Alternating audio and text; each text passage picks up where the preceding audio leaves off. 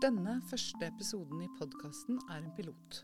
Vi ser for oss at det skal være mulig å tilby podkastepisoder for studenter over relevant pensumlitteratur. Vi har i denne første delen av podkastserien konsentrert oss om temaet lek. Vi er Øystein Skundberg og Nina Odegaard. Vi har invitert eh, professor Anne Greve til en samtale om kapitlet hun har skrevet i boka 'Utvikling, lek og læring'. Artikkelen heter 'Barns vennskap og jevnaldringsrelasjoner' og er på pensum. Anne, kan du begynne å fortelle litt om deg selv? Ja, det kan jeg gjøre. Først og fremst vil jeg si tusen takk for at jeg blir invitert til å komme hit. Det syns jeg er kjempespennende. Eh, jeg er barnehagelærerutdannet eh, fra Barnevernsakademiet i 1983. Eh, og så har jeg jobbet 17 år i barnehage, både privatbarnehage og kommunal barnehage. Både med barn over tre år og barn under tre år. Men så ble jeg stipendiat, som du er nå, i 2001. Og da kom jeg til det som da het Høgskolen i Oslo. Og var stipendiat der til jeg disputerte i 2007. Og da disputerte jeg på temaet vennskap mellom barn under tre år. Så dette er et tema som jeg har brent for veldig lenge. Og nå har jeg vært her siden. Hvorfor er du engasjert i dette temaet om barn og vennskap, Anne? Um, jeg ble um, Altså jeg jobbet jo, jeg gikk jo tilbake og jobbet Jeg tok et hovedfag, og så gikk jeg tilbake og jobbet i barnehage etterpå. Og da jobbet jeg på små, småbarnsavdeling. Og da hadde jeg jo et hovedfag, så jeg hadde lyst til å hadde ambisjoner om å fortsette å skrive. Som jeg jo hadde begynt med da jeg tok hovedfag. Det som heter master nå, da. Uh, og så opplevde jeg da jeg jobbet på småbarnsavdeling, at det var Ehm, det jeg hadde lært i min grunnutdanning, var at barn under tre år ikke var spesielt sosiale. At de ikke kunne bli venner. Og så så jeg at det ikke stemte. Og så ble jeg veldig nysgjerrig på hva er dette for noe. Og da fikk jeg veldig lyst til å prøve å skrive et eller annet om dette med vennskap. Um, og så uh, så var jeg så heldig at jeg fikk noe støtte. Jeg fikk et sånn eh, stipend, lite, lite 5000 kroner tror jeg det var, for øvingslærere. Som gjorde at jeg kunne ble litt oppfordret og oppmuntret, ikke minst, til å, til å fortsette å utdype meg i dette temaet. Uh, sånn at det har ligget i bakhodet mitt ganske lenge mens jeg enda jobbet i barnehagen. Og så da jeg fikk stipend for å ta en doktorgrad, så var det det som trådde frem som det temaet jeg hadde lyst til å virkelig fordype meg i.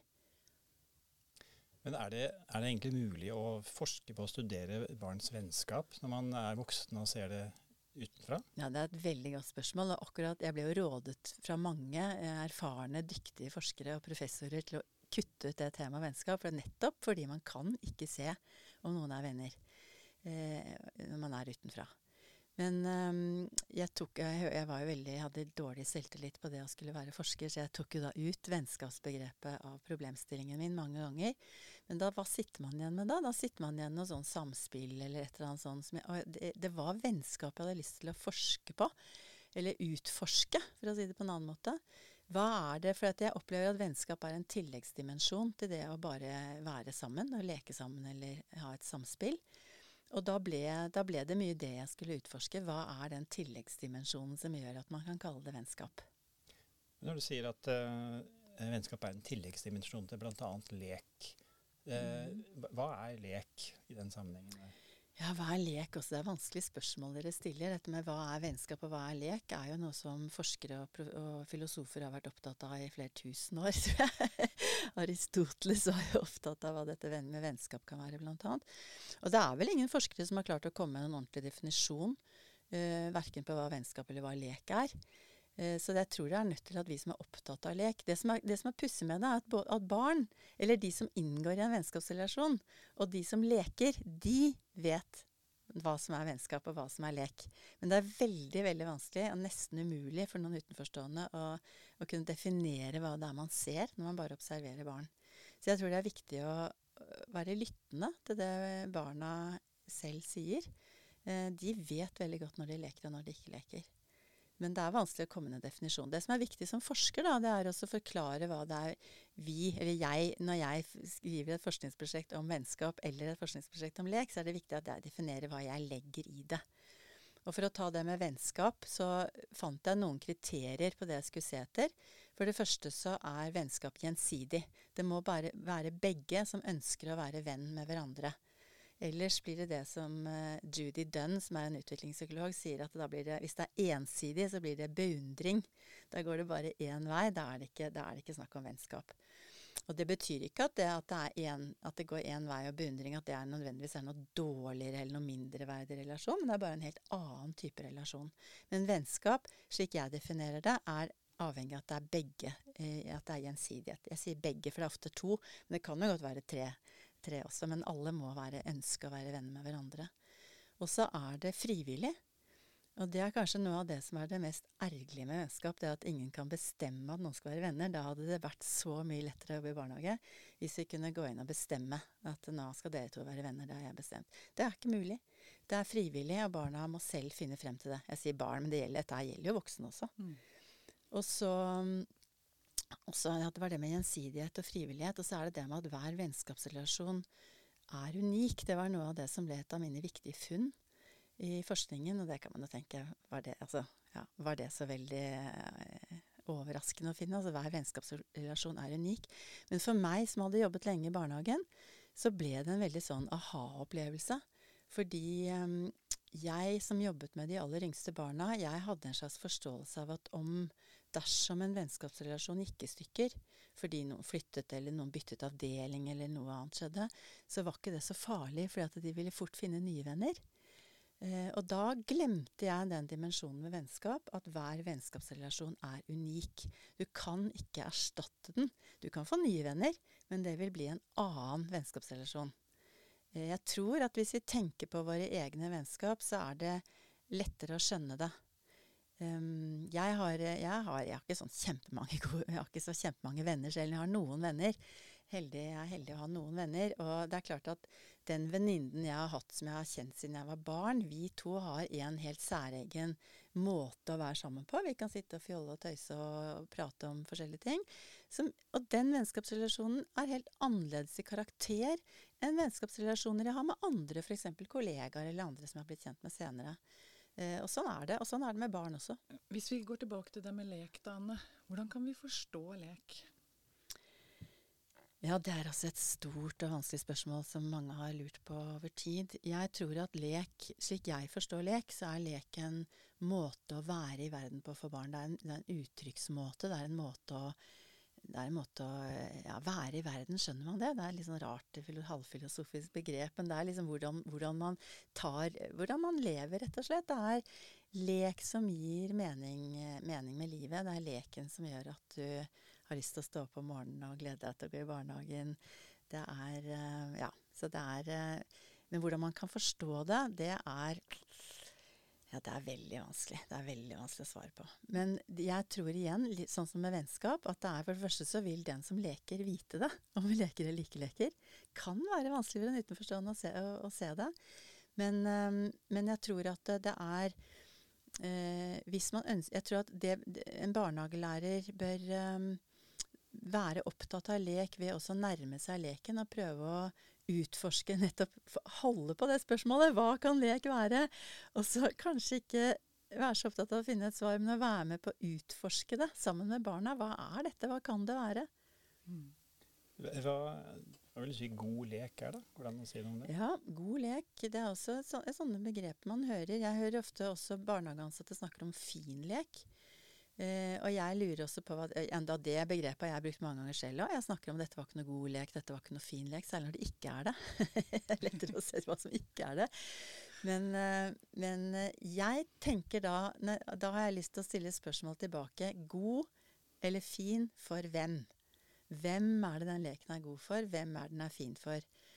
og som barnehagelærer så tenker jeg at det viktigste er at den skal være god eller fin for barna som deltar i leken. Eh, det er det som er det viktigste. Eh, og da må vi kanskje gå noen runder med oss selv og tenke hvis, hvis du ser to barn som leker, og du tenker at ah, dette var ikke noe fin lek, så må du spørre hva er det hva er det som gjør Du må, du må ikke gripe inn med en gang. Du må liksom gå og ta den der et par skritt tilbake, eller kanskje snarere helst to skritt frem for å komme nærmere leken. Og tenke hva er det som gjør at jeg reagerer på denne leken at ikke jeg syns den er noe fin. For eksempel um, en barnehage vi var i, og, og for da vi forsket Jeg holder på med å forske om lek nå. Da var det en uh, barnehageansatt som sa til meg at nei, den leken der, den var ikke noe fin. Uh, hun refererte til en lek hun hadde vært vitne til.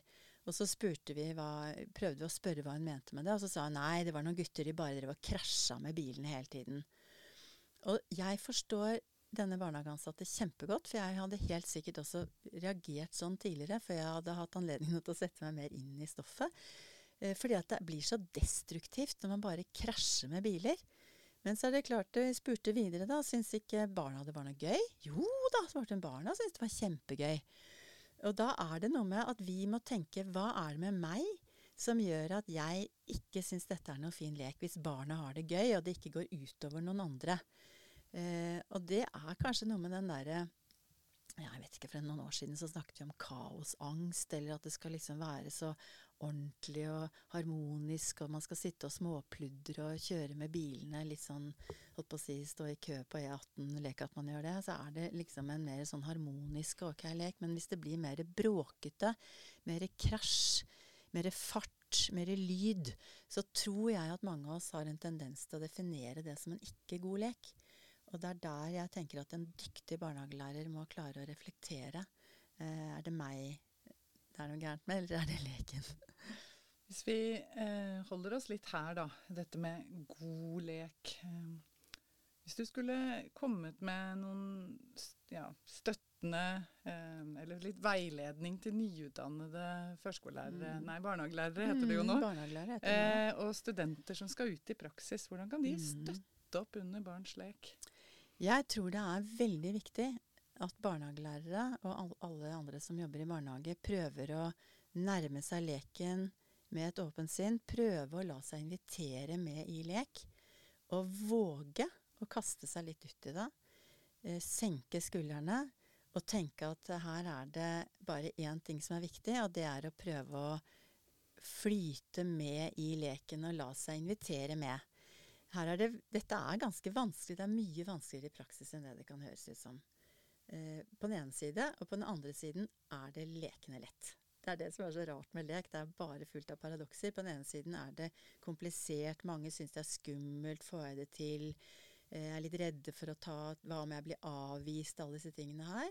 Og det andre er at det er jo bare å gjøre det. ikke sant? Og så, og så tenke på seg selv som en lærling, og la barna være læremestere. Eh, la seg invitere med i lek godta hvis du blir av, avslått. Så det er ikke alltid det passer at, eh, at du som voksen kommer med i lek. Men min erfaring er at hvis du ikke har noe annen agenda enn å nærme deg leken og ha det gøy sammen med ungene, så elsker barna at uh, du som voksen er med på leken. Så jeg vil råde både studenter og, og nyutdannede barnehagelærere, og for lenge siden utdannede barnehagelærere, og, og, bli med, la seg invitere med i lek, og prøve å øve seg på å leke sammen med barn. For det er veldig viktig for barna. Og det er veldig viktig for deg som profesjonsutøver, for du, kommer, du blir kjent med barna på en helt annen måte enn om du bare står utenfor og observerer. I hvilken grad har rommet og materialene i rommet betydning for barns lek? Og akkurat det spørsmålet er jeg kjempeglad for å få, for jeg tror det har ganske stor betydning. Men igjen så er det et sånt paradoks, for eh, jeg tror at barn leker uansett. Det har vi hørt eksempler på fra flyktningeleire, fra konsentrasjonsleirer under krigen, fra de mest groteske, grusomme omgivelser, så finner barn et lite hjørne. De finner en eller annen pinne eller en stein eller et eller annet å leke med. Men det sier seg selv at det er ikke dette som er optimalt. Så jeg tror at det å ha Det å, å være oppmerksom på eh, miljøet, på materialene vi har, på hvordan rommet er innredet, det er en viktig del av barnehagelærerens profesjon. Eh, da jeg var barnehagelærer, så var jeg ikke noe særlig flink til det. Vi I min barnehage så hadde vi sånne Ikea-kasser. Som var sånne gule og røde, svære plastkasser som sto inne i bokhyller. Og der var det gjerne en tegning utenpå, eller et fotografi av at der skulle være biler, der skulle være togskinner, der skulle være dukker. Og da ettermiddagen kom, så stappet jeg alle bilene der hvor bilene skulle være. Og jeg fikk jo selvfølgelig noen barn til å hjelpe meg, men av og til så bare gjør jeg det selv òg. Uh, og dukkene lå med huet ned beina opp og armene i alle retninger, stabla oppå hverandre i en ganske enkle, når du tenker over litt grotesk haug. Eh, og så gikk jeg glad og fornøyd hjem fra jobb, og så ryddet vi det frem igjen. Der kom dagen etter. Eh, nå har jeg vært en del ute i barnehager nå, og vært hos barnehagelærere som har et mye mer bevisst forhold til dette med rom og materialitet enn det jeg hadde da jeg jobbet i barnehage. Så ser jeg dyktige barnehagelærere som lar dukkene sitte i et pågående teselskap i dukkekroken. Bilene står nærmest og ruser med motoren. Det er små dyr som titter frem fra hyller og skap. De er i gang. Hvor mye mer inspirerende er ikke det å komme i barnehagen når det allerede er noe som lekene står og roper på deg? Mm. Eh, det tror jeg, det har jeg stor tro på. At det skaper Eh, altså Barna lekte den barnehagen jeg, hvor jeg jobbet, da, for å si det. De, de, gjorde det. Så jeg ødela jo ikke hele lekemiljøet. Men jeg tror det er et mye mer inspirerende miljø å komme til når lekene er der og, og faktisk roper på deg. Eh, og, og, det er lettere å komme i gang for de kanskje litt mer tilbakeholdne barna, de som er litt sjenerte, de som trenger litt ekstra for å komme i gang. Mye lettere å komme inn i en dukkekrok hvor, hvor dukkene bare roper etter å få servert teen, eller hvor bilene står og ruser med motoren, eller hvor reven titter frem fra skapet og er glad for at du mm. endelig kommer tilbake. Eh, I artikkelen som vi baserer denne podkasten på, så bruker du begrepet estetisk praksis. Mm. Kan du utdype dette begrepet litt for oss? Ja. Jeg tenker at lek er et eksempel på en estetisk praksis. Hva er, hva er, estetikk? For meg så er det en estetisk praksis det at man gir uttrykk for sine tanker og følelser. Det er en måte å kommunisere på. Eh, og jeg tror at vi i, i dagens samfunn er blitt altfor opptatt av det rent verbale. At vi glemmer at vi har veldig mange andre måter å snakke på i alle aldre, men eh, ikke minst gjelder det barn. Eh, barn er ikke alle barn som er så verbalt språklige. Det kan være enten fordi de er veldig unge, eller det kan være fordi de kommer fra et annet land og ikke behersker norsk så godt. Men de har er det ikke Reggie Emilia som snakker om de hundre språkene? Mm. ikke sant? De har mange andre måter å uttrykke seg på. Lek er en av dem. Det kan være gjennom musikk, det kan være gjennom forming, det kan være på mange måter. Alt dette handler om de estetiske eh, måtene å, å, uttrykke seg på. Det er det jeg mener med det. Estetisk praksis. En kommunikasjon, rett og slett. Mm. Eh, I arbeidet med en ny rammeplan så var lek veldig fraværende. Ja, og Det førte til et slags barnehageopprør, mm. hvor man var veldig opptatt av forholdet mellom lek og læring. Mm. Eh, hvordan ser du på det forholdet mellom læring og lek? Ja, det er også et veldig spennende spørsmål som mange av oss barnehagelærere har slitt med i mange, mange år. Det er um, Da jeg var helt nyutdannet, så fikk vi nesten ikke lov å snakke om læring. Da var det sånn fy-ord i barnehagene. Og så har det jo kommet mer og mer inn, og det er jeg i og for seg glad for. For at barnehagelærer er en pedagogisk stilling som driver med pedagogikk, og pedagogikk handler jo om læring. Men jeg tror Eh, for å, for å, gjøre det litt enkelt, så kan jeg sette det opp som to helt ulike ting. Altså to dikotomier, altså, eller en dikotomi med to helt motsatte begreper. Som øh, kan begynne med det, og så skal vi fortsette etterpå og se hvordan vi kan nærme oss hverandre. Men for meg så er læring, når jeg snakker om læ formell læring, det er at det er et utgangspunkt i at det er noe du ikke kan. Ellers er det ikke noe vits å lære det. Så det er et utgangspunkt i at det er noe du ikke kan, og så er det noe når du har gått gjennom en slags prosess, en læringsprosess, så skal du kunne det. Du skal kunne telle til ti, eller du skal kunne forskjell på rødt og grønt, eller du skal kunne vite hva en trekant er, og hva en firkant er. Du skal lære noe, hva noe er. Eller lære et språk, eller lære forskjellige ting. Da er det utgangspunktet at det er noe du ikke kan, og så skal du kunne det etter en stund. Det er for meg læring. Sånn ren, rendyrka læring.